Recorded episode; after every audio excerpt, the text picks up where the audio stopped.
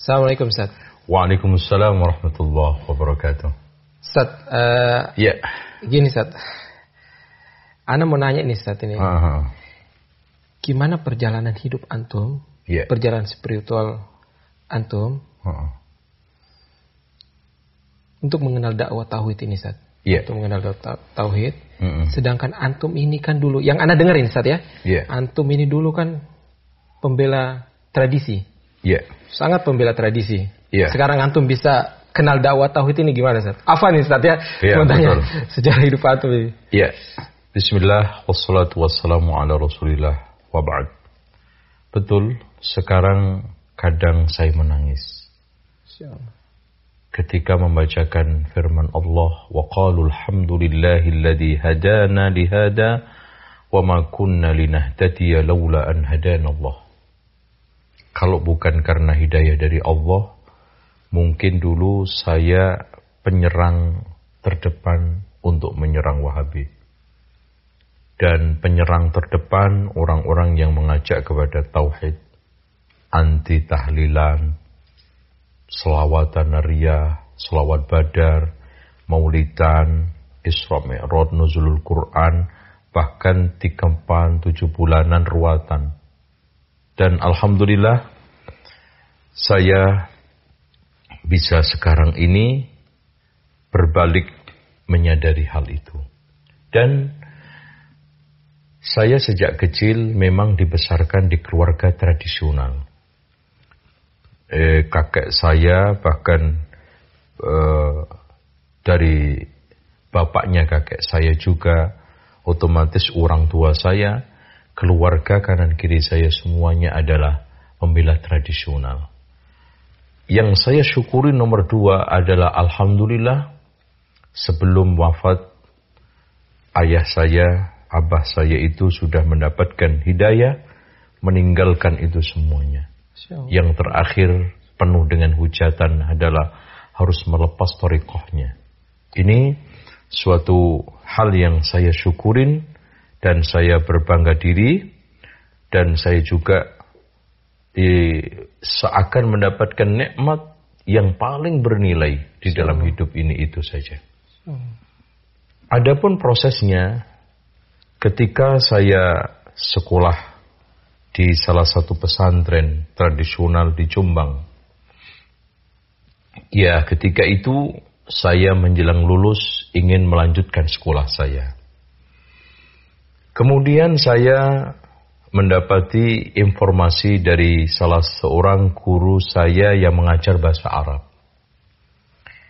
Di sana ada sekolah gratis, bahkan bukan hanya gratis, dikasih uang saku, uang makan. Di benak saya ketika itu terheran-heran, hebat banget. Iya. Sekolah Mungkin. ini saya dengar katanya didirikan oleh Saudi. Di benak saya juga kaya banget bisa menggratiskan sekolah di negara orang lain Bahkan plus membayar ya. bukan juga hanya gratis dikasih uang saku, uang makan. Nah, akhirnya di saat itu saya mulai serius untuk mencari informasi dan akses ke sana. Dan alhamdulillah mendapatkan kepastian untuk bisa daftar. Mulailah saya pamitan satu persatu ke kiai saya. Sambil cium tangan dan eh, juga lebih baiknya kalau dulu itu afdolnya bisa ninggalin satu bungkus rokok. Itu lebih lebih kena tawasulnya. Gitu ya. Akhirnya saya pamit cuman dipesan. Nggak apa-apa kamu belajar ke sana. Tapi hati-hati. Akidahnya, ambil bahasanya, apalagi realnya nggak apa-apa. Tuh. Gitu ya. Allah. Karena di pelajaran pesantren saya itu ada firqah sesat yang harus diwaspadai. Yang pertama Khawarij, tokohnya Ibnu Taimiyah kata mereka. Iya, kata mereka. Terus kemudian Rafidhah, tokohnya Ibnu Qayyim Al-Jauzi. Dan eh, Wahabi otomatis Muhammad bin Abdul Wahab. Uh. Nah, proses pendaftaran saya mulai.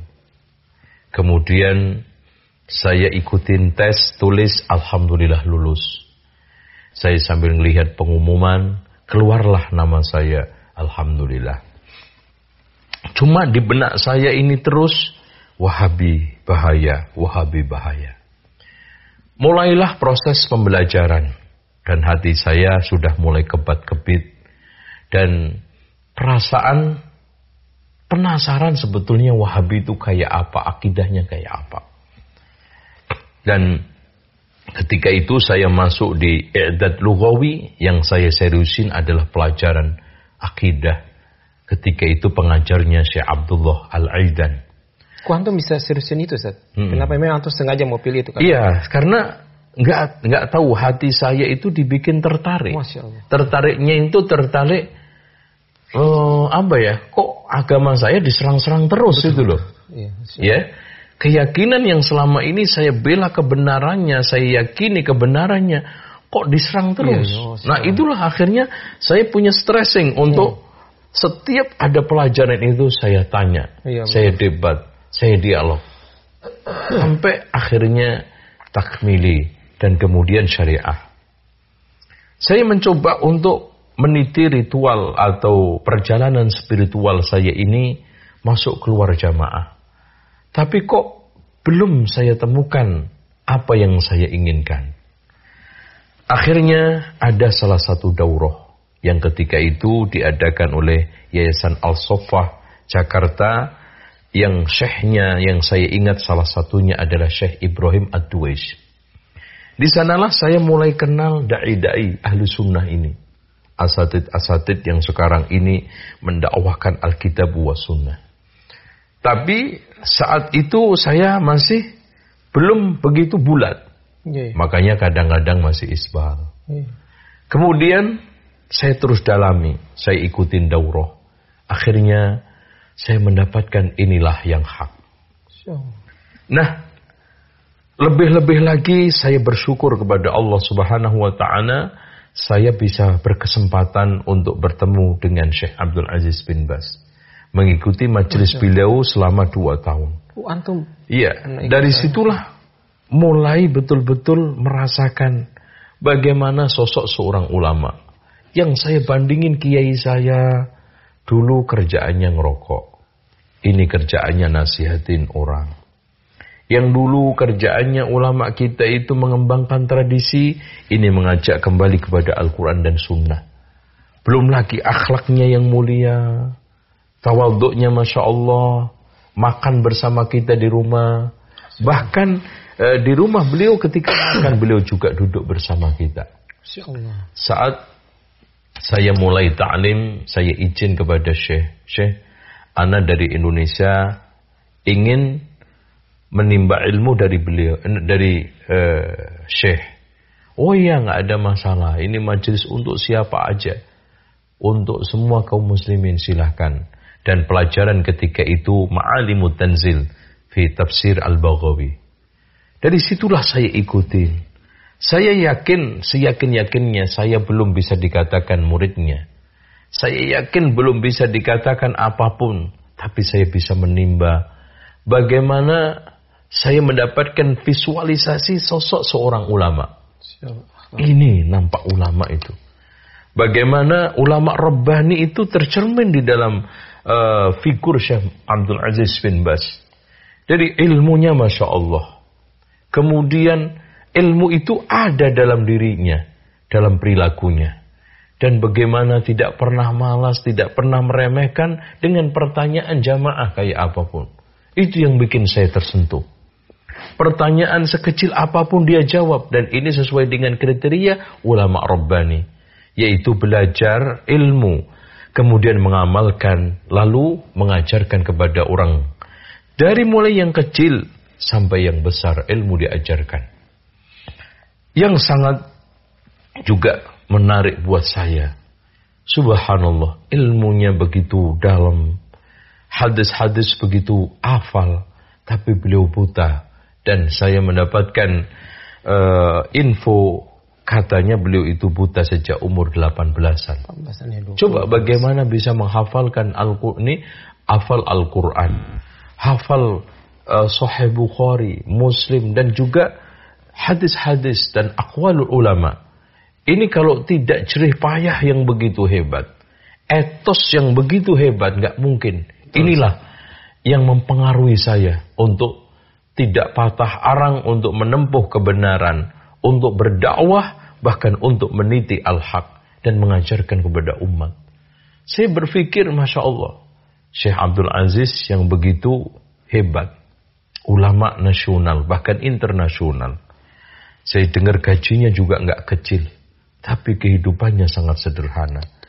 Bahkan saya dapat informasi dia, beliau itu juga banyak memiliki hutang karena ternyata uangnya banyak disumbangkan kepada fakir miskin, tolabul ilmi.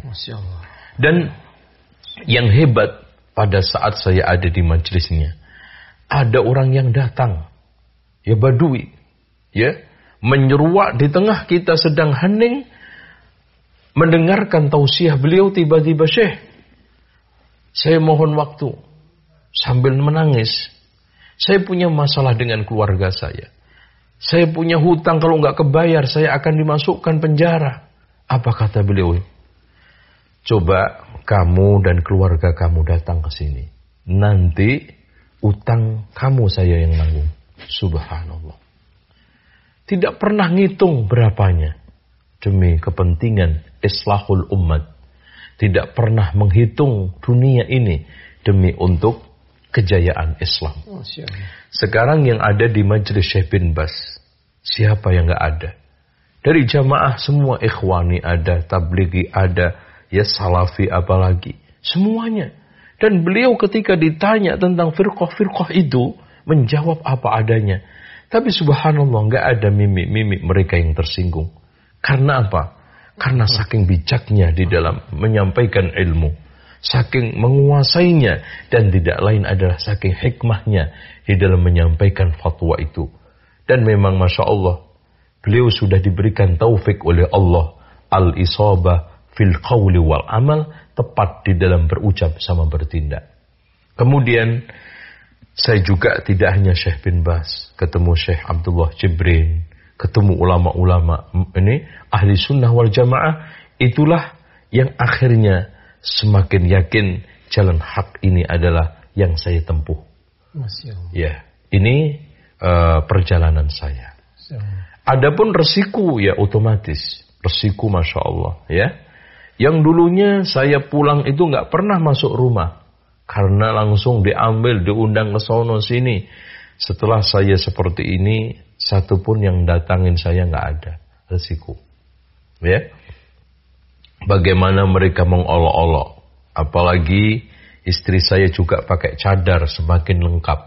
Apalagi bapak saya mengikuti saya, ibu saya mengikuti saya. Udah semakin bulat untuk membaikotnya. Tapi fasobrun jamil. Dengan kesabaran yang baik. Ternyata Alhamdulillah sekarang sudah cair pelan-pelan. Kita dekatin. Kita coba dakwai mereka. Dan ini Terus sampai hari ini kita lakukan pendekatan kepada teman-teman lama. Ya, apalagi yang dulu di tempat-tempat majelis yang saya dulu sering mengajak debat ormas-ormas seperti Muhammadiyah untuk uh, berdebat kebenaran maulid, kebenaran praktek-praktek tradisional itu. Nah, sekarang saya berbalik harus mendakwainya. Itu yang uh, bisa saya ceritakan. Masya Allah. Ya. Ya. Khair, Ustaz. Ya, insya Allah. Mudah-mudahan. Uh, ya, bermanfaat, Ustaz. Mudah-mudahan ya. perjalanan hidup antum ini bermanfaat hmm. untuk uh, hmm. saya ya. atau kaum muslimin, Ustaz. Ya. Betul. Ya, sekarang saya hanya memohon kepada Allah satu. Saya diwafatkan oleh Allah Subhanahu wa taala ala sunnah. Amin. Itu saja. Dan saya bisa beristiqomah untuk meniti as-sunnah. Dan yang tidak kalah pentingnya, saya juga berusaha mudah-mudahan teman-teman kita, orang-orang dahulu teman yang sekru, yeah. ya iya. berjanjian bersama, tibaan bersama, selawatan bersama, mereka yeah. juga mendapatkan hidayah dari Allah Subhanahu wa taala. Dan yang tidak kalah pentingnya juga ya, mudah-mudahan apa yang dilakukan oleh orang tua saya dulu yang mungkin menyebarkan berbagai macam kebitahan di tengah masyarakat, Allah ampuni. Amin.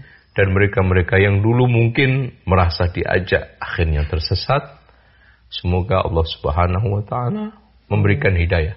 Amin.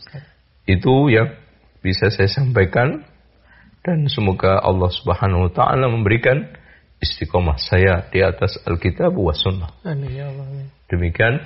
Assalamualaikum warahmatullahi wabarakatuh.